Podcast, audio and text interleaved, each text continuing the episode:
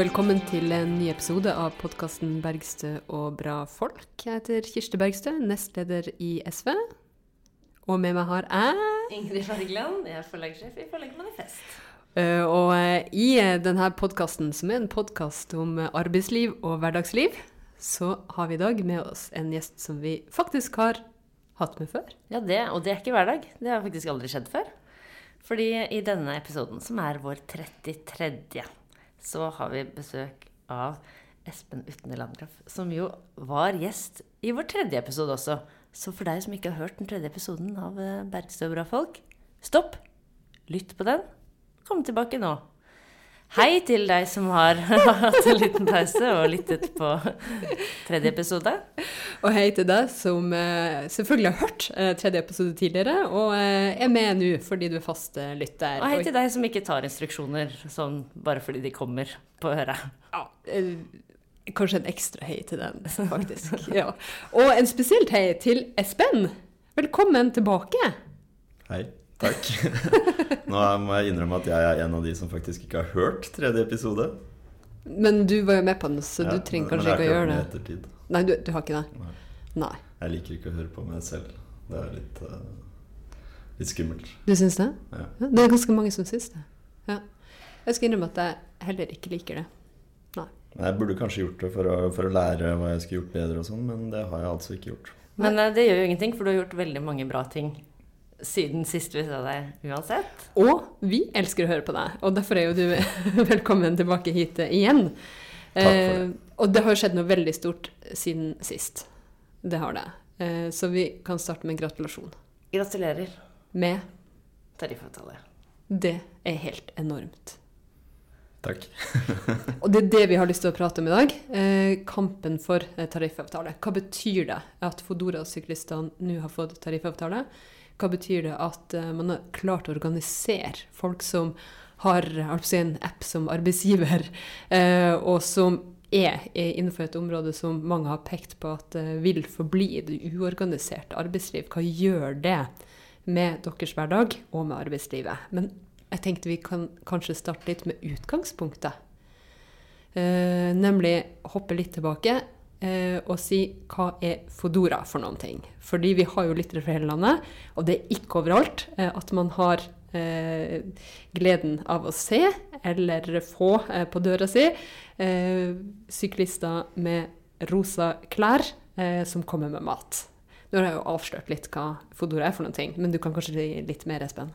Ja, Fodora er en matleveringstjeneste som leverer mat fra restauranter. Særlig med sykkelbud men også med bil og scooter.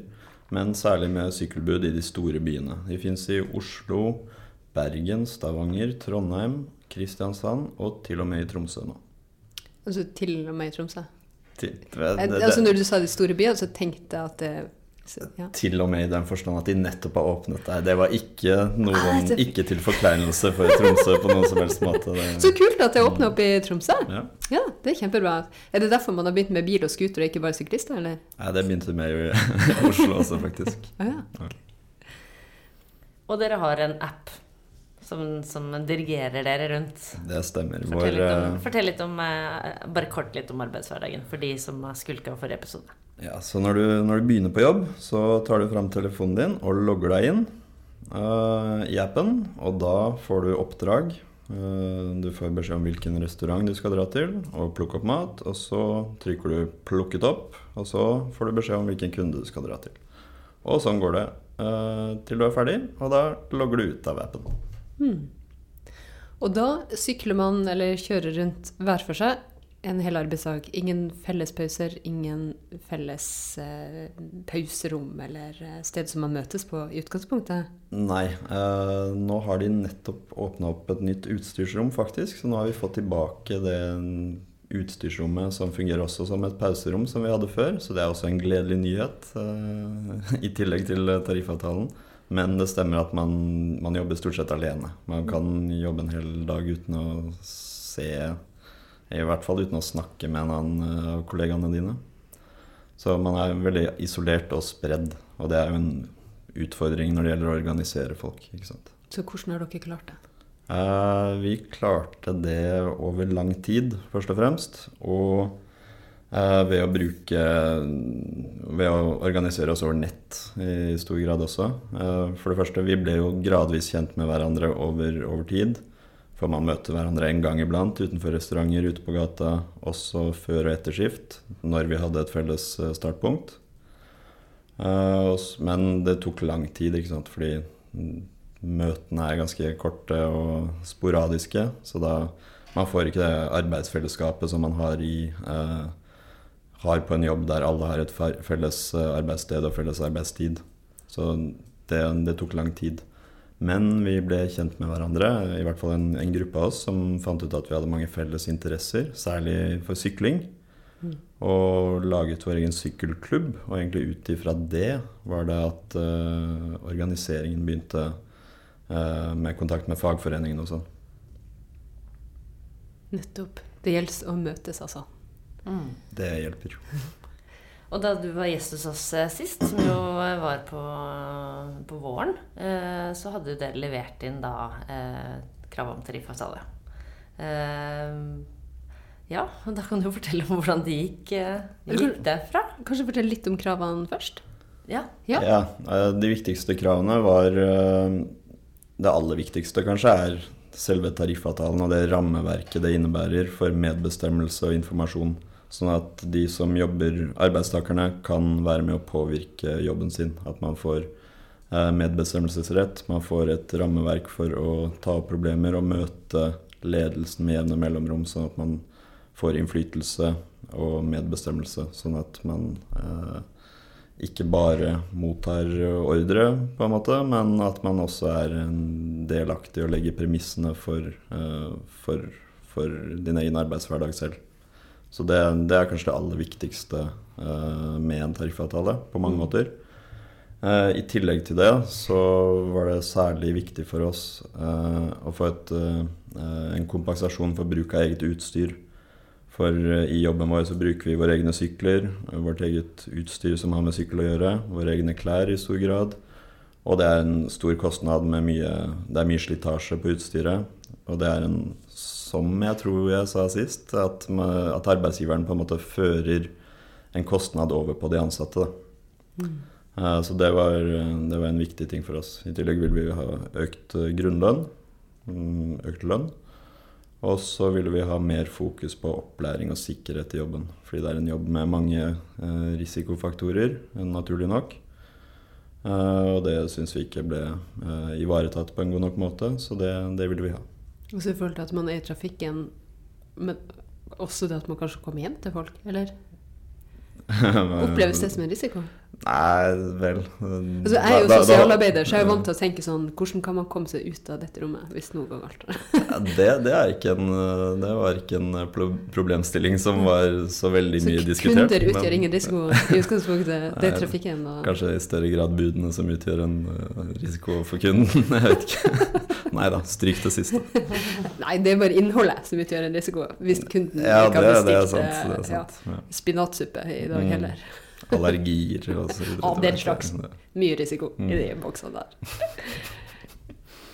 Men dere ville ha tariffavtale og leverte inn krav.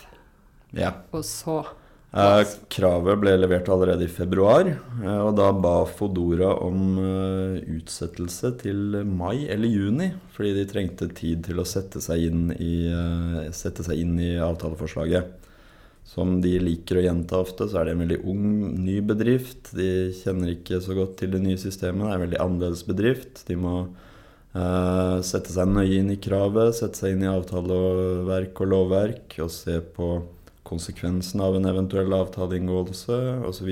Komme med mulige forslag, sånn at man kan gå inn, inn i en konstruktiv dialog, sa de. Så de trengte fire måneder på det. Det er jo veldig lenge for, for å Men de er jo ikke kunne så nye heller. Nei, de har jo holdt på siden 2015, så at Ja. de var det, det er det har jo hatt et par år på seg til å lære litt om norsk arbeidsliv og den norske modellen, men uansett, da. Eh, Vi syns også det var litt lang tid, men vi gikk med på det, fordi vi ville jo gjerne ha en eh, konstruktiv dialog. Så vi så ok, dere ba om tid, vi gir dere tid, så kan vi møtes og snakke sammen. Og så opplevde vi vel eh, da vi møttes til forhandling at den tiden ikke hadde blitt brukt så veldig godt. Nei. Det var ikke så mye grunnlag for konstruktiv dialog der, rett og slett. Eh, så da brøt de forhandlingene sammen ganske raskt, og vi eh, endte i mekling i juni. Mm. Og meklingen førte ikke til så mye mer konstruktivt i første omgang, men vi ble enige om å ta en pause i meklingen fra juni til august for å møtes igjen da. Det var noen uavklarte spørsmål, og vi vi tenkte det var den beste løsningen. Dere for- spilte på lag. Ja. Ja. Vi, vi gikk med på nok en utsettelse fordi vi, vi ville komme til en forhandlet løsning. Og ja, kanskje vi ville lykkes med det hvis vi tok med tid. Men når vi møttes eh, i august igjen, da var det egentlig mer av det samme. Det var ingen vilje til å finne en løsning, ingen vilje til reelle forhandlinger. Og da eh, ba Fodora om enda mer utsettelse, men da sa vi nei. Ja. Og da gikk vi i streik.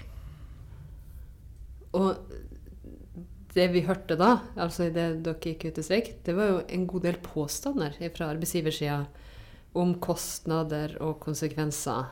Eh, Hva var det de sa for noen ting da? De mente vel at en, eh, en tariffavtale ville innebære kostnader på 100 millioner kroner. At vi krevde en timelønn på 319 eh, kroner, tror jeg var påstanden.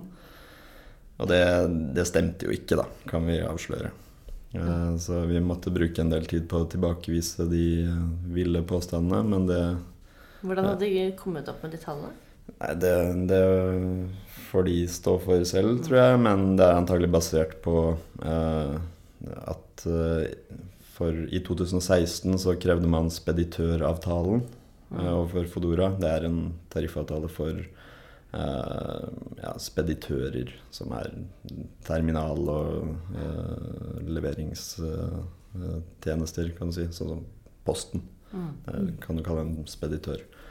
Uh, den ble krevd i 2016, så hvis man regner veldig kreativt på tallene der, så kanskje får man noe lignende tall. Men det var altså ikke det kravet vi leverte i, uh, i, eh, i år. Da, da vil vi lage en helt ny avtale som var tilpasset bransjen. Fordi påstandene var jo at eksisterende tariffavtaler ikke, ikke passer til Fodora. Mm. Og i og for seg kan det stemme, men vi var jo hele tiden klare på at vi vil komme fram til en helt ny avtale som er tilpasset Fodora.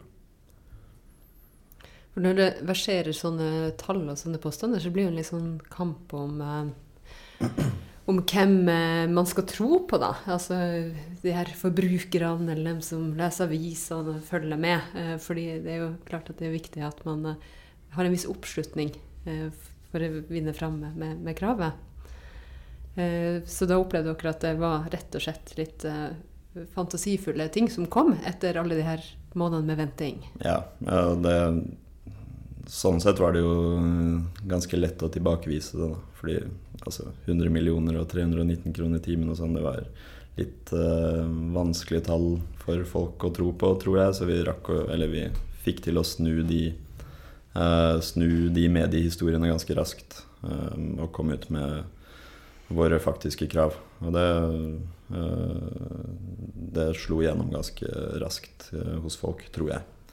Eh, men det blir jo en informasjonskamp, eh, som, som du sier. Og det var viktig for oss å eh, komme ut med så mye informasjon som mulig, nå ut til folk. Både gjennom eh, tradisjonelle medier og sosiale medier. Og eh, fortelle hva vi faktisk ønsket, hvorfor vi ønsket det, og fortelle vår, vår side av saken, kan du si. Og det, det lyktes vi veldig bra med, tror jeg. Vi hadde en undersøkelse av eh, folk, folks holdninger til, eh, eh, til streiken. Og da var det sånn at eh, jo bedre man kjente til Fodora, jo Mm. mer støttet man de streikende. Og vi hadde veldig stor støtte i, i befolkningen. Blant de som kjente godt til Fodora, så var det sånn at 75% støttet oss uh, uh, helt eller delvis, tror jeg det var. Ja, Ja, for da begynner det å koste litt for bedriftene ja. ja. å eh, få folk eh, eller forbrukerne mot seg. Det var en viktig del av streiken også, å få forbrukerne på sin side, mm. på vår side. Sånn at de eh, støttet oss ved å ikke lenger bruke Fodora. Og det, det var veldig effektivt. Fordi Fodora opplevde en eh, De opplevde at eh, ordre, altså bestillingstallene gikk ned. Det vil si, de gikk ikke eh, de gikk ikke ned fordi det er en sesongsvingning. Sånn at eh, fra, fra sommeren og utover høsten så stiger det veldig eh, stiger det veldig mye naturlig fordi folk bestiller mer på høsten. Men den økningen var veldig mye mindre i år enn det har vært år før, årene før. Så vi hadde forbrukerne på vår side, og det var veldig effektivt, tror jeg. Men uh, fortell litt om hvordan denne streiken uh, artet seg. Ja. Eh, vi gikk jo i streik fra Skal vi se Meklinga var 19.8, og så gikk vi i streik fra 20.8, og i starten var det jo eh, mildt sagt litt kaotisk. Vi hadde ikke full kontroll på eh, nøyaktig hva vi skulle gjøre. Men vi var eh, Så vidt jeg vet, er det ingen av de som streiket for Fodora nå, som har streika før. Så vi var nybegynnere i det gamet. Eh, men vi, fikk, vi hadde allerede veldig gode ideer og tanker om hvordan vi skulle eh, utføre en eventuell streik. Så det vi gjorde, var at vi satte opp eh, telt på Jungstorget Og hadde det som en slags base for streiken. Og der hadde vi eh, streikefiks. Altså Fodora-syklistenes sykkelverksted ute på gata, hvor folk kunne komme og få reparert syklene sine av streikende Fodora-syklister. Fordi det er en enorm høy, enormt høy kompetanse på sykkel, sykkelfaget blant eh, Hvordan fikk dere ideen til det, egentlig? Det, det var veldig naturlig. Det var sikkert 10-20 som foreslo akkurat det samme. Det var sånn, var go to-idé nummer én. Eh, så, og det, det var jo også en, uh, en effektiv strategi med å ha en sånn positiv twist på streiken. Ikke Sånn at vi ikke bare sitter på Youngstorget og er sure, eller et eller annet, men at vi, vi har det litt gøy med det og har en, et positivt eh, budskap oppi det hele. Var det mange som kom bort? Ja, det var Ja. veldig mange. Jeg tror på, på det meste så fiksa vi vel sikkert 20-30 sykler om dagen. Og det, det var veldig populært. Og det er 20-30 folk som får litt inngående kunnskap om hva streiken handler om, og hva forteller videre. Ikke sant? Og så typisk så deler de det da i sosiale medier. De s- legger ut en post på Instagram 'Nå fikk jeg sykkelen min fiksa på Youngstorget', osv. Så, videre. så det spredte seg på den måten eh, veldig raskt. Og det var også eh, en veldig fin, fin ting for de streikende å føle at man gjør noe meningsfullt. Og at man har noe å gjøre. Eh, det er viktig å holde folk i aktivitet. Eh, også på Youngstorget med teltet vårt så hadde vi eh, kaffe og vafler til å begynne med. Vi kjøpte inn et vaffeljern, men det, det varte ca. en uke før det gikk eh, konk. Eh, fordi sånne vanlige vaffeljern er ikke laget for å stå på ti timer om dagen eh, i en uke i strekk. Eh, Så da, etter at det vaffeljernet strøk med, så kjøpte vi en steketakke og lagde sveler isteden. Og det, det var også en fin ting. Så vi delte ut kaffe og sveler til, eh, til Oslos befolkning. Eh, Og hver dag så hadde vi en såkalt critical mass, som dere to jo deltok i. Det Altså, gjorde vi. Det var veldig gøy. Og det hadde vi jo til og med en liten reportasje på på podkasten. Vår eneste utegående reportasje. Mm. altså har jeg vært med i Ja, ja, ja. tre episoder nå? er det det? Wow. Men altså, vi syklet en eh, runde rundt i byen hver dag i en stor gruppe. Og hadde ofte med prominente gjester, sånn som eh, dere to. Eh, Det var også en veldig, veldig bra måte å være synlig i bybildet på. Det er vi jo når vi er på jobb. Når vi sykler rundt på jobb i rosa, så ser folk oss. Så da er det viktig at vi også er synlige i bybildet når vi streiker. Og sykla rundt i en stor gruppe i de mest eh, folke, folkerike områdene. Og var eh, synlige og plinget med sykkelbjeller og en som blåste i en slags konkylie også, faktisk. Det, var, det likte jeg veldig godt. Det var kjempefint fra den. hørtes ut som en krigshorn ut fra Ringenes herre. eller noe. Det var veldig stemningsskapende. En klassekrig. Mm. Men, men critical mass, det er jo ikke helt sånn norskklingende ord.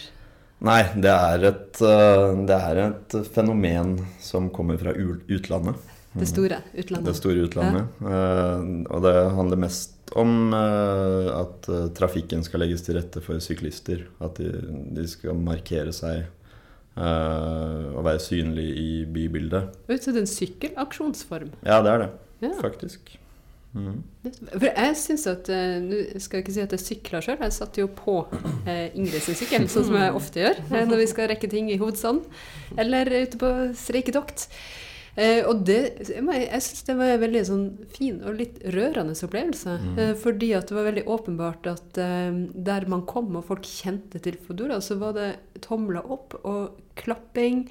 Eh, og smil og gjenkjennende nikk eh, og veldig gode blikk eh, i øynene til folk.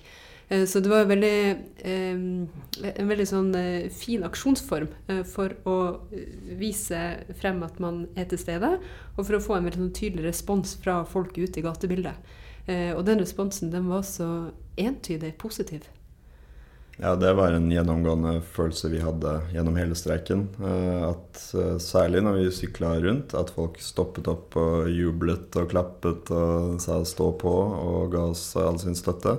Litt sånn I starten, så når vi sykla rundt, så var det folk som snudde seg og 'Hva er dette for noe?' De visste ikke helt hva det var. Men ettersom dagen gikk, så var det mer at folk 'Å, det er Fodora-streiken!' Ikke sant? Så det, så det, det fungerte å, å være synlig på den måten. Eh, og folk som gikk forbi på Youngstorget, og uansett hvor vi var, så var det folk som stoppet opp og eh, ønsket oss lykke til og sa at de støttet oss. Og eh, også i sosiale medier på Facebook og Instagram osv. Så, videre, så var det en helt enorm støtte fra eh, vanlige folk som så at det vi kjempet for, var helt grunnleggende naturlige rettigheter som, som vi burde ha. Og de var fullstendig på vår side. Så det var, det var veldig viktig for eh, oss. Mm. Jeg så jo også at eh, ordfører eh, i Oslo, Marianne Borgen, kom Ja, eh, syklende med mat til de streikende Det eh, syklistene. Vi hadde mange, mange fine gjester. Ja. Men dere fikk jo til og med en egen sang. Ja, det, det gjorde vi. Eh, Gatas Parlament Ja, laget en egen, eh, en egen låt til eh, rosa, Rosastreikens ære. Mm. Rullemås, tror jeg den heter. Mm. Uh, og Sosialistisk Kor spilte også inn en sang eh, til oss. Den hadde ikke skrevet selv, riktignok. Det var den Solidarity-sangen som de sang og sendte til oss på uh, Ja, som de sendte til oss. Det var veldig gøy. Vi fikk mange, i det hele tatt mange kreative gaver og gester fra, fra folk. Mm. Så var dere ganske kreative sjøl òg. Fant på sånne rare konkurranser og eh, hadde sendinger og sånt. Vi var jo med på en sånn rar konkurranse som ikke jeg husker navnet på engang. Trackstand-konkurransen var dere vel med på? Ja. Ja. Og det var veldig ydmykende.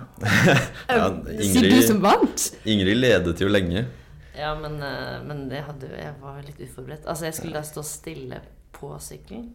For det er jo dere kjempegode til når dere venter på rødt lys med maten i sekken. holdt jeg på å si. Men det, det, er eller, ja, det er en konkurranseform som er vanligst når man har en såkalt eh, fixed gear-sykkel. Eller fast nav-sykkel. Det hadde Så-. Det hadde ikke du. Fordi der, der er det sånn at hvis du tar pedalene bakover, så går hjulet bakover. Så du kan, Ja. det er mye lettere å balansere på den måten. Så, Hadde Abid Raja det, eller? nei, han, han hadde ikke det, faktisk. Fylde, For han slo jo meg etter Ja. noen dager. Veldig Men du Ingrid, Ja. til gjengjeld så er det det eneste han noen gang jo kom, kom til å slå deg. så det, det kan du leve med. Men alle disse fine og positive tingene som jo da skjedde underveis i streiken, det, det, det er jo veldig fint å høre om. Men, men jeg blir nysgjerrig på hva, hva var liksom den eh, kontakten underveis med arbeidsgiver og den siden der av, av, eh, av forhandlingene? Ja, det var, for vår del var det jo veldig lite kontakt, egentlig. Det var eh, Fellesforbundet prøvde jo stadig vekk å strekke ut en hånd og høre skal vi, skal vi ta en prat, er det noe å snakke om her? Men eh, lenge så var det ikke mye, eh, mye positiv respons fra den siden. Men hvordan foregår det sånn helt konkret? Sender de da en mail? Sånn hei, Shera? Jeg lurer på om de bare sender en SMS, så Ja. Eller skal vi ta en kaffe? Ja, eller, altså. eller ringer og hører om det er noe Ja. eh, Om man skal ta en sånn uformell prat. Da. Mm. Fordi en- på, på det tidspunktet så er det mest uformelt. uh, Ja. kontakten. Det er ikke sånn at man har, skriver en lang mail om eh, Det var ikke noe sånn lang korrespondanse fram og tilbake under streiken. Eh, Men hva er det som gjør da at på et eller annet tidspunkt så Er det utmattelsestaktikk, liksom? På et eller annet tidspunkt så bare orker de ikke mer å ja, det? det kan Vi fikk jo litt inntrykk av at uh, før meklingen i august så var Fodora forberedt på at det ville ende i streik. Og de tenkte vel at de kunne stå den over, uh, og at vi skulle miste motivasjonen. At de skulle klare å uh, overvinne det ganske enkelt. Eh, de undervurderte hvor mange nye medlemmer vi ville få i løpet av streiken, og hvor stor støtte vi ville få uh, ute blant folk. Mm. Så jeg tror, jeg tror det rett og slett var de harde fakta som tvang dem til, eh, til å eh, altså møte oss til reelle forhandlinger. Da. Men For bare, en ting bare for å ha sagt det. Altså, når man streiker, da får man jo ikke lønn. Men uh, Nei, man, man får eh, streikestøtte fra Fellesforbundet. ja. Uh, eller ja, i dette tilfellet Fellesforbundet. ja, ikke sant? Ja. Men, uh, men er det da akkurat det samme som lønna? Det er det vel ikke? Ikke akkurat det samme. Nei. Så det, er, det, det har jo en kostnad. Det har en kostnad. Og kanskje den viktigste kostnaden er at det, det kan være veldig kjedelig å streike over lang tid. At eh, eh, når du går der i fem uker og ikke ser noe bevegelse hos eh, motparten, kanskje eh, da er det lett å miste motivasjonen og kjede seg. Særlig for folk som er vant til å sykle rundt når de er på jobb og være veldig aktive hele tiden. Og det å plutselig stoppe opp og uh, skulle være veldig mye mindre aktiv uh, i så lang tid, det, det tærer på. Så vi, vi var Altså, vi kunne streiket en god stund til, men vi var glad at uh, løsningen kom når den kom. Mm. Og det, det som skjedde da, var at mekleren kalte inn til ny mekling. Fordi det er standard prosedyre når streiken har vart i omtrent en måned. Mm. At mekleren kaller partene inn igjen til, til nye samtaler. Og da se om det har skjedd en bevegelse. Ja, og jeg tror når øh, Og da hadde det jo skjedd en bevegelse, bevegelse hos Fodora. At de, de møtte med en helt annen innstilling enn de hadde hatt før. Og det fikk vi litt signaler på dagen før meklingen òg. At her, nå, det, nå har vi noe å snakke om. Mm. Og det var, det var veldig bra. Og det la et veldig godt grunnlag for, for meklingen. Men de prøvde seg vel på en del eh, eh, sleipetriks, om det er mulig å si det? Ja, Ja. øh, de Vi kan jo ta historien om Easy Freelance. Ja. eh, som er et eh, eh, The Easy Freelance er et selskap som ble opprettet eh, i Brønnøysund 17.8, to dager før eh, meklingen 19.8. Uh, tre dager før streiken 20.8. Og etter at streiken begynte, så eh, fungerte Easy Freelance i praksis som et bemanningsbyrå som, eh, som eh, pøste inn nye syklister eh, for, eh, for Fodora. Altså innleide streikebrytere. Ja. eh, og ulovlig innleide i et ulovlig bemanningsforetak på ulovlige midlertidige kontrakter. Det var, en veldig spesiell konstruksjon som eh, var ulovlig på så mange punkter. Fordi aller først så inngår Fodora og Easy Freelance og en syklist en konsulentavtale der syklisten får utføre oppdrag for Fodora eh, formidlet av eh, Easy Freelance. Og så, når han har gjort det, han eller hun har gjort det i to uker, så blir han i ettertid midlertidig ansatt i Easy Freelance for at de skal kunne utbetale lønn. Så det, det er en veldig, holdt på å si, kreativ eh, konstruksjon. Eh, og så uh, viste det seg at han som er daglig leder for Easy Freelance, er svoger til eh, performance manager i Fodora. Performance manager, hva er det? Nei, det Gudene veit. Det, den som har ansvar for å fikse streikebrytere, tror jeg. Men altså en av sjefene i Foodora. Ja, en, en, på, en høyt oppe i administrasjonen. Ja. Eh, og easyfreelance.no-domenet er eid av et av selskapene som denne performance manager i Fodora eier. Så det var veldig tydelig at det var planlagt spill. Eh, at de, de tenkte at eh, ja, nå blir det streik, da trenger vi å bemanne. De, de påsto jo at eh, det ikke var noe høyere bemanning, at, at det bare var den naturlige utvidelsen osv. Uh, det kan jo alle tenke hva de vil om, eh, men det var tydelig at, eh, at det var en planlagt, eh, planlagt måte å løse, løse de utfordringene på. Men fikk du noe inntrykk av hvor mange som ble hyrt inn via dette Easy Freelance? Uh, vi har ikke noe nøyaktige tall, men det som var morsomt, var at mange av, de, mange av de som begynte å jobbe via Easy Freelance, kom til oss og ville bli medlemmer hos oss. Hell yeah! det, det, var jo uh, morsomt, ja. fordi uh, oppi det hele så må man jo tenke litt på dem også. Hva skjer med dem hvis streiken er over, f.eks.?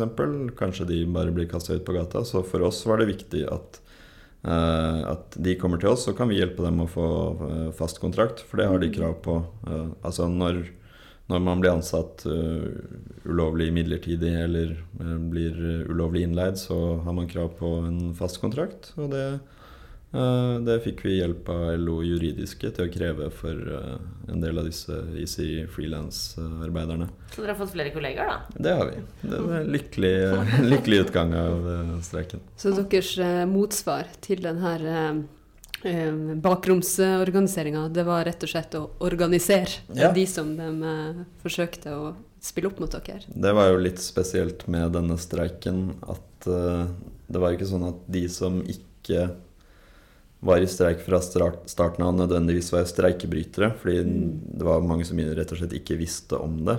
Så vi så heller på de som fortsatt jobbet som potensielle medlemmer, enn streikebrytere. Så vi fokuserte også mye på å nå ut til dem. Eh, stå utenfor restaurantene på kveldene, komme i snakk med dem. Og sånn økte vi jo medlemstallene våre under streiken fra 100, rundt 100 til 230 omtrent. Det er fantastisk. Så ja, det er imponerende. Jeg vil takke, takke Fodora for den glimrende rekrutteringsmuligheten. Uh, Men er det særlig igjen å organisere, da? Det er jo ekstremt høy organiseringsgrad da? De har jo veldig mange syklister ansatt, for er, de fleste jobber i en liten deltidsstilling. Så i Oslo er det et eller annet sted mellom 300 og 400 ansatte syklister. Ja, ja. Ja. Men vi har en, en god organiseringsgrad. Ja. Det kan fortsatt bli bedre, så klart. Men, uh, men fordi Nå har vi snakket litt om hvordan streiken så ut i Oslo. ikke sant? Så at dere hadde det, eh, sykkelfiksinga på Youngstorget og uh, sykla rundt i gatene. Eh, men det ble også tatt ut folk ellers i landet? Ja, vi sendte inn et uttak for Trondheim, der over 50% av syklistene Eh, meldte seg inn, eller var medlemmer. Eh, og de økte også under streiken, og vi tok dem ut i streik. Men de, eh, de rakk ikke å streike, dessverre, holdt jeg på å si. Fordi streiken var over før, før de skulle ut i streik. Mm. Men det er altså ett selskap i hele landet? Ja, de har ikke organisert seg de har, de har, avdelinger, men ja. det er Foodora Norway AS som har ett organisasjonsnummer, og så har de mm. bedriftsnummer i de forskjellige avdelingene. Men vi, vår motpart var altså mm. uh, norgesdelen. Uh, mm. Så uh, avtalen blir gjeldende for hele, hele landet. Mm. Men det forsøket med bruk av ulovlig innleie under streik, det er jo ikke det eneste vi har sett, dessverre. Det er jo eh, noe som har, eh, har, forekommet tidligere. Jeg vet ikke om dere hadde noen sånn erfaringsutveksling knytta til det, eller eh, ble det en stor diskusjon hos dere? Nei, vi, uh, vi, vi, snakket ikke med noen andre om det, holdt jeg på å si. Mm. Vi, vi, løste den saken Altså, jeg er sikker på at Fellesforbundet har hatt erfaring med det før. Mm. Så, og vi, vi fikk hjelp av Fellesforbundet og LO juridisk.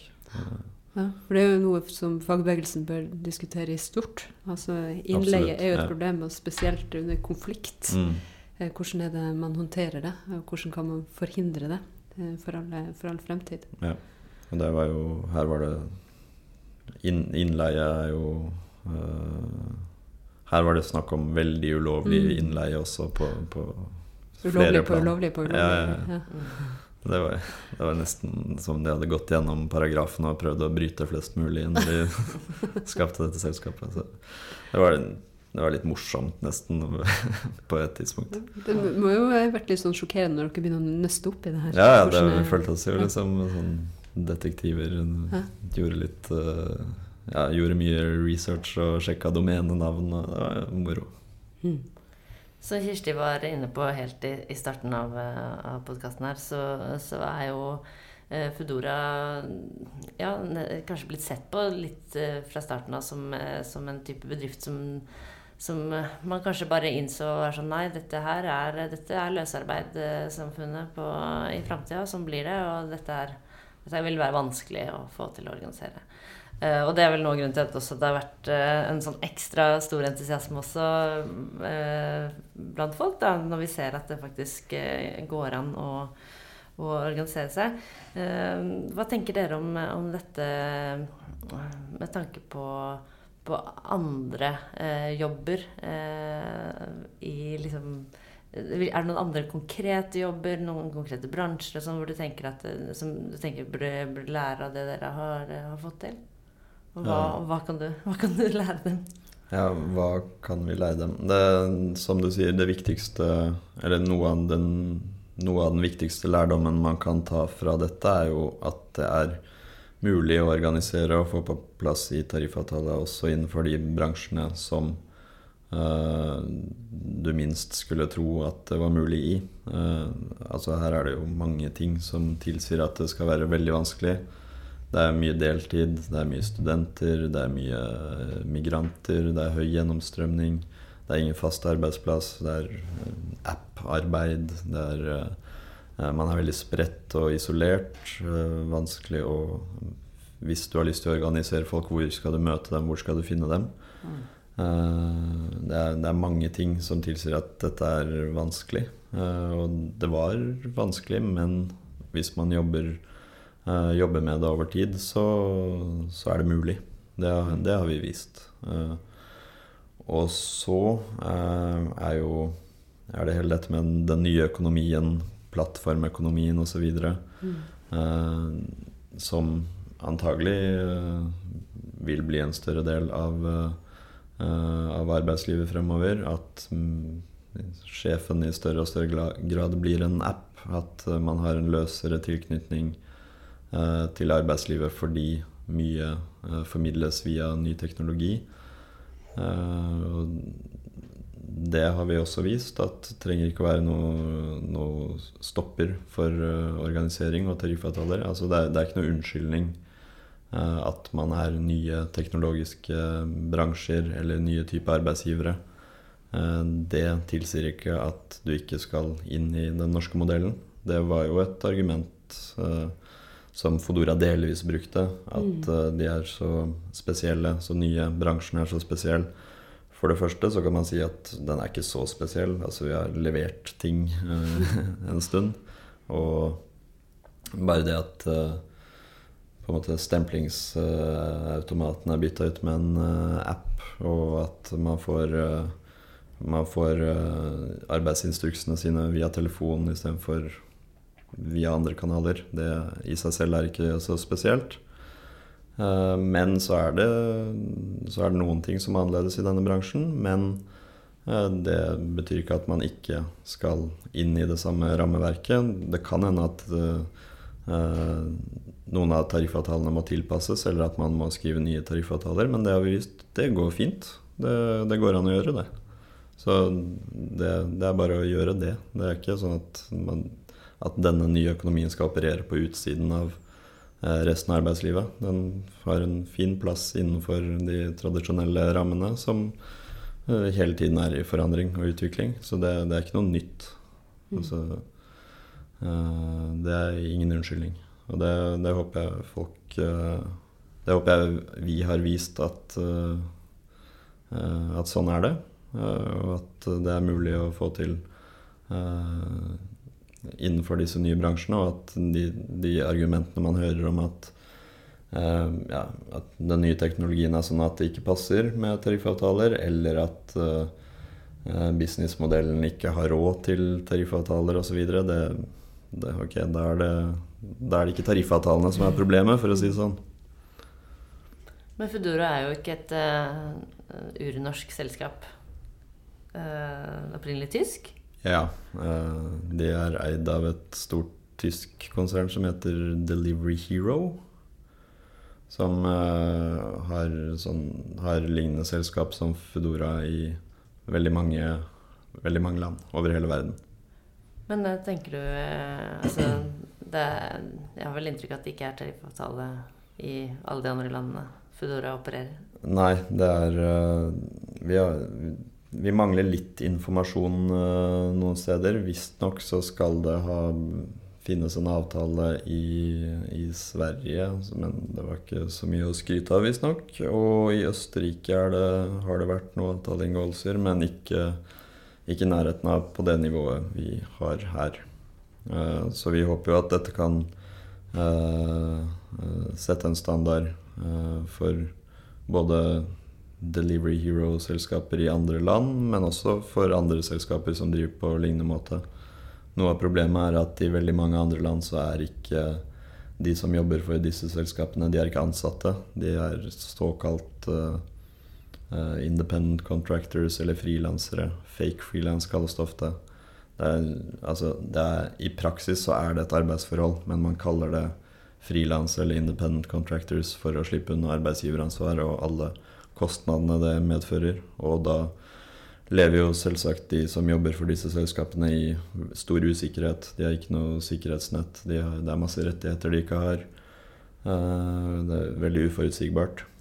Så, og i flere land ser vi nå at det kommer lovgivning mot, mot denne typen uh, fake frilans, sånn at uh, man definerer tydelige, tydeligere hva, hva som er et ansettelsesforhold, og hva som er independent contractors. Sånn at man kan bruke det i retten og kreve at uh, disse skal bli anerkjent som ansatte.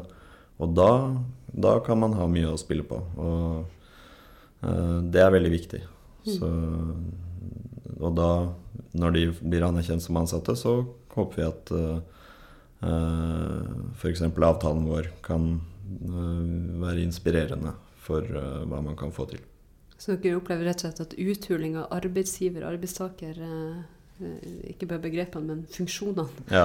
Eh, hindrer organisering. Ja, og det, det, har vi sett ganske lenge i andre land, og det er sannsynlig at det kommer i større og større grad i Norge. Det har jo i stor grad vært eksistert her en Absolutt. stund, men det blir mer og mer av det. Ja. Når flere, flere, og flere selskaper importerer uh, den type modeller fra andre land og mm. forsøker å gjøre det gjeldende her. Og det er det viktig at eh, vi følger med på. For det, ser vi jo til og med at uh, selskap som har kontrakter med offentlige, har uh, svin på skogen der. Mm. For da går man virkelig i retning av et løsarbeidersamfunn. Mm. Det, så hvis vi ikke vil gå i den retningen, så gjelder det å være på ballen. Så definitivt. Mm. Jeg håper du skal legge ut på europaturné og inspirere ja, det, kamp. Vi var, var, jo på en liten norgesturné under streiken. Var i Bergen og Trondheim uh, og snakket med Fodora-syklister der. Og prøvde å hjelpe til litt med organiseringen. Og nå er det visst uh, snakk om litt utenlandsreising uh, òg. Fordi det er et problem i andre land er at uh, sykkelbudene typisk uh, har opplevd liten samarbeidsvilje hos fagforeningene. Det er i hvert fall noen historier vi har hørt som tyder på det. Altså liten vilje til å organisere dem? Ja. Altså det er, det, er, historier vi har hørt, og vi vet ikke nøyaktig hvor landet ligger der. Og så det, hører vi også fra fagforeninger utenlands som har prøvd, men ikke fått det til. Så det er tydelig at her kan det hjelpe med et eksempel som, som har fungert. Så hvis, vi har, hvis vi kan hjelpe andre og lære dem noe og fortelle om hva vi har gjort og hva som har fungert for oss, så vil vi gjerne gjøre det. Mm. Men nå sitter jo kanskje noen og lurer på denne avtalen. Hvordan ble den? Hm. Nei, det, vi fikk, uh, vi fikk uh, holdt på å si medhold på uh, alle punktene våre. Altså vi fikk, vi fikk jo tariffavtalen med hele det rammeverket. Vi fikk høyere lønn. Vi fikk eh, kompensasjon for utstyr, og vi fikk uh, uh, større fokus på uh, opplæring og sikkerhet. Eh, så tallene ble kanskje noe lavere enn vi eh, hadde som utgangsposisjon, men vi var godt fornøyd med resultatet. Og en hel andre ting som uh, følger med avtalen, som vi er veldig, veldig godt fornøyd med.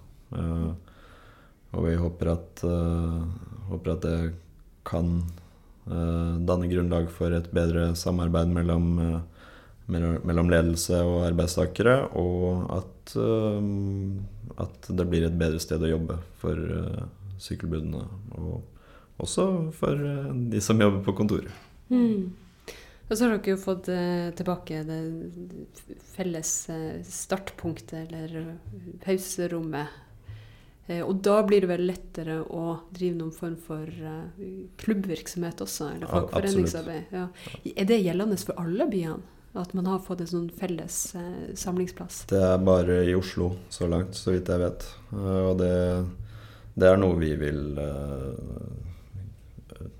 det er noe vi stiller eh, høyt på prioriteringslista at uh, man skal ha i uh, alle byene. Fordi det er utrolig viktig. Både for uh, samholdet og for at folk skal trives. Og rent praktisk så er det mye, mye positivt ved å, ha, ved å, ha, et sånt sted. Og det, altså, det, er litt rart å skulle argumentere for det på en måte fordi det er så naturlig. Men det, mm. det er ingen selvfølge, tydeligvis. Men vi er veldig glad for at det er tilbake i Oslo nå. Mm. Ikke sant? Det er jo landsmøte i Fellesforbundet nå. Uh, og du er, eh, er, på vei dit?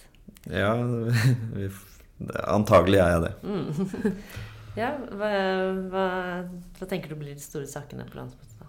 Uh, eh, EØS blir antagelig igjen et uh, tema uh, som det er knyttet spenning til.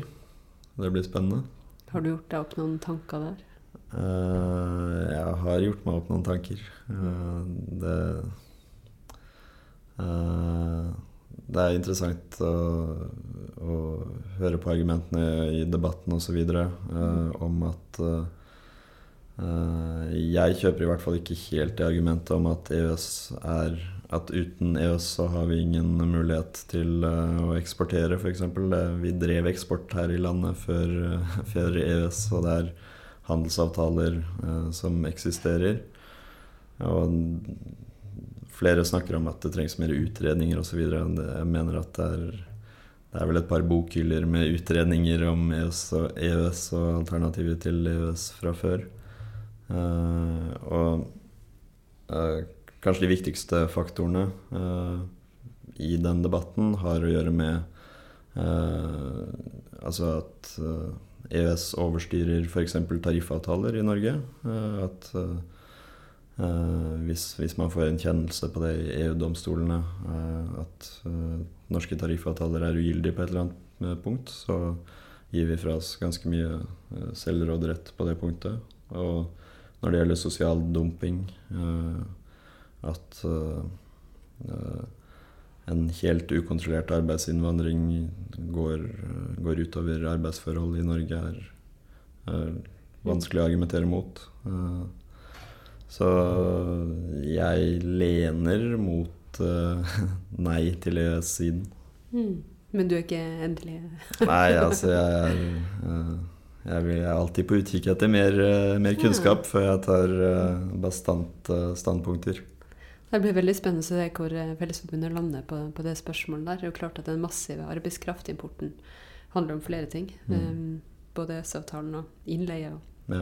Så det, er, det, er, det, andre saker som du tenker at det ja, jeg, jeg, satt jo faktisk her i dag tidlig og leste gjennom det debattheftet eh, Fellesforbundet har laget før landsmøtet. Det det er mye, mye, spennende der. Eh, de skriver faktisk mye om eh, Eh, behovet for å eh, gjøre tariffavtalene eh, skal vi si, mer oppdatert uh, for, for utviklinger, i, utviklinger i arbeidslivet og uh, økonomien. At, man, at det er et viktig uh, fokusområde. Sånn at det ikke det ligger fast, men at det, at det er en utvikling. At eh, tariffavtalene tilpasses tiden man lever i. Og så er jeg interessert i